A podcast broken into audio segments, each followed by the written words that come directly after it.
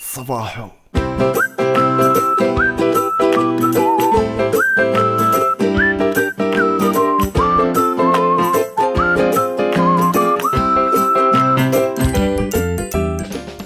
صبحكم الله بالخير أعزائي مستمعين بودكاست صباحو. ناس وايد قاعد تطالبني بإني أزيد عدد الحلقات في الأسبوع. يعني تصير أكثر من حلقتين في الأسبوع. مم لا لا. وايد وايد وايد. آه، إذا تعرفون إيش قد أعاني عشان أطلع الحلقتين هذول آه، راح تعرفون انه صعبة وايد. أنا شغلتي مو بس البودكاست أنا عندي شغل ثاني عندي أهلي عندي آه، مجتمعي عندي شغلات ثانية أشتغلها غير البودكاست. أه لو لقيت نفسي أه إني أقدر أقدم حلقة ثالثة أو رابعة من عيوني الثنتين. وأتوقع أن من بعد ما تقاعد إن شاء الله راح أخليها يومية وإن شاء الله إن شاء الله تكون مباشرة. إيش رأيكم؟ ها أحبكم أنا. يا الصباح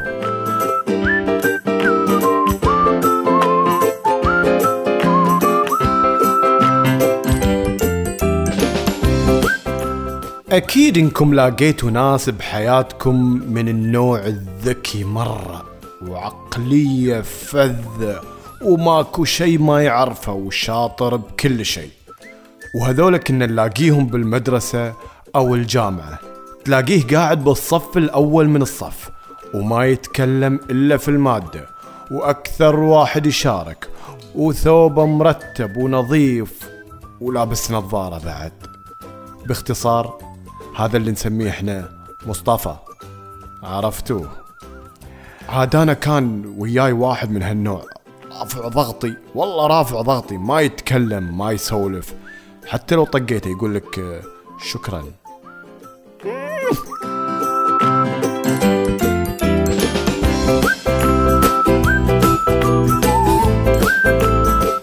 لكن هل تعتقدون هالنوعية من البشر ناجحين بحياتهم؟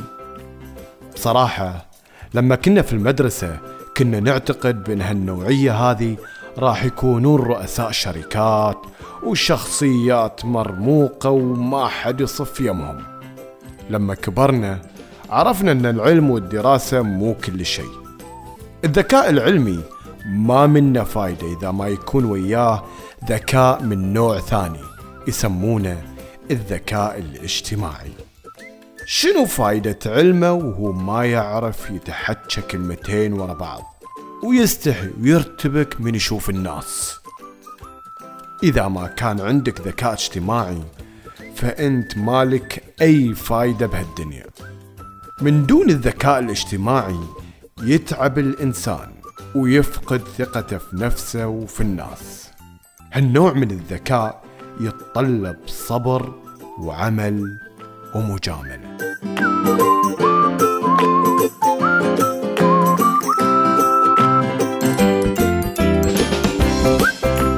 طيب شنو يعني الذكاء الاجتماعي؟ هو بشكل مبسط إن الإنسان قادر على فهم بيئته وقادر يتصرف بشكل ملائم لسلوك ناجح اجتماعيا.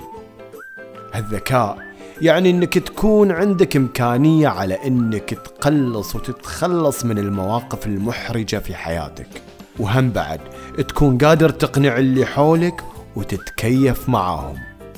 قادر إنك تخطط عشان توصل لأهدافك الذاتية.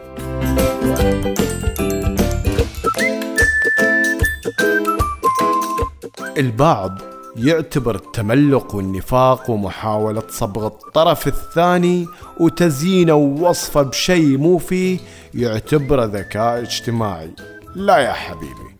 اللي يستخدم هالأسلوب قد يكون كسب شيء من وراء التملق والنفاق لكنه بالمقابل خسر نفسه.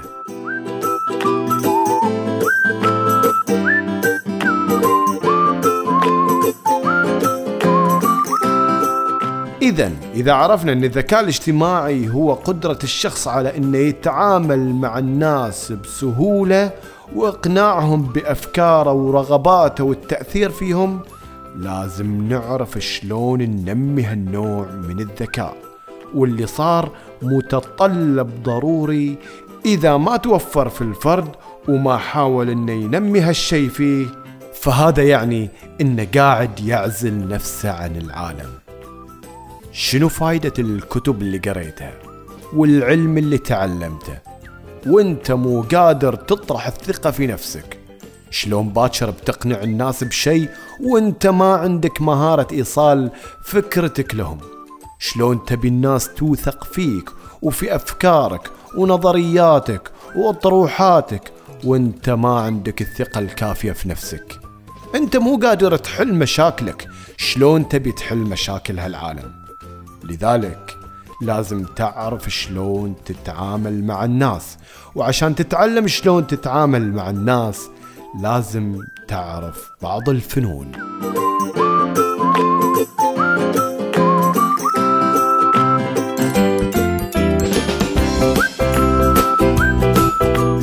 فن الكلام. فن الكلام مو معناته إنك تبربر وايد وما تسكت.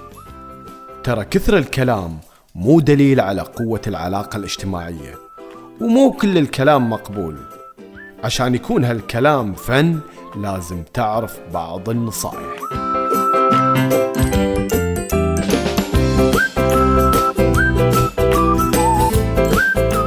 أول نصيحة تجنب إنك تتكلم عن نفسك وايد. لأن الناس ما تحب اللي يتكلم عن نفسه بزيادة ويمكن يوصفونه بالغرور وعدم الثقة بالنفس. عاد أنا في حياتي في واحد رافع ضغطي. دائما لما يجي يتكلم يقول أنا وأنا أنا وأنا. إذا الحديث كله على بعضه نص ساعة ثلث ساعة يتكلم عن نفسه وخمس دقائق يتكلم عن الموضوع والخمس الدقائق الباقية يكون إنسان مجامل وايد لدرجة النفاق. عاد أنا هذا ما أطيقه والله. ودائما أعطيها في وجهه بعض الأحيان بس ما يسمع الكلام. أبو طبيع ما يهون عن طبعه. الله يعين.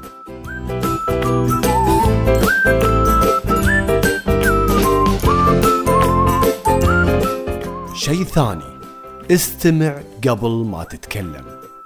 وهذا الفن لو تعلمناه وتعودنا عليه راح يخلي منا أشخاص نعرف ما وراء الكلام والمقصود والمشاعر اللي يخفيها المتحدث. ومثل ما يقولون الإنصات نصف الحكمة.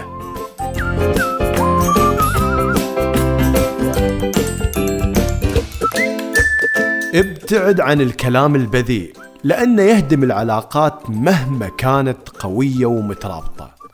ويمكن يخلي من الشخص موضع سخرية ويقلل من مكانته بين الناس. أيضا الهدوء والصوت الرقيق يخلي آذان الآخرين تستمع وتنصت لك. رفعة الصوت والإزعاج أمر ما يحبون الناس. شيء ثاني لا تقدم النصيحة لأحد إلا إذا هو طلبها. وابتعد عن النميمة والغيبة. تعلم الدبلوماسية في الحوار. تكلم بشيء مفيد وله دلالة. تمتع بالأخلاق والصفات الحميدة لأن الأخلاق هي اللي تجذب الآخرين. وعشان تحافظ على أخلاقياتك استمع مني هالنصايح. حتى لو ما طلبتوها مني.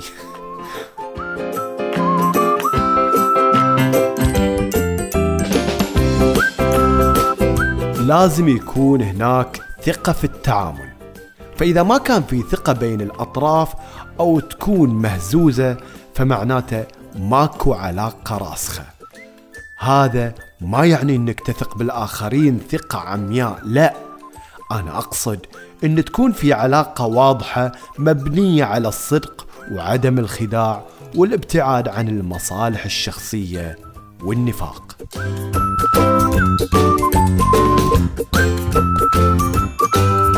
ابني مواقف جميلة ولمسات خاصة بك. مثل إنك توقف مع الآخرين وقت أزماتهم وتقدم لهم المساعدة. ولا تسيء للآخرين ولازم تراعي مشاعرهم.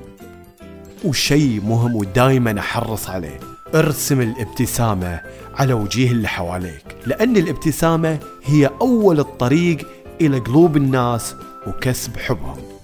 وآخر نصيحة هي التواضع وعدم التعالي والابتعاد عن الكبر والغرور والعياذ بالله.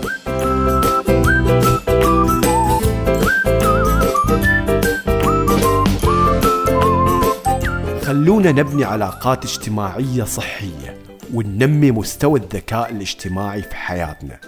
ومثل ما قلت لكم الذكاء العلمي ما يكفي إذا ما كان معه ذكاء عاطفي واجتماعي يساعده.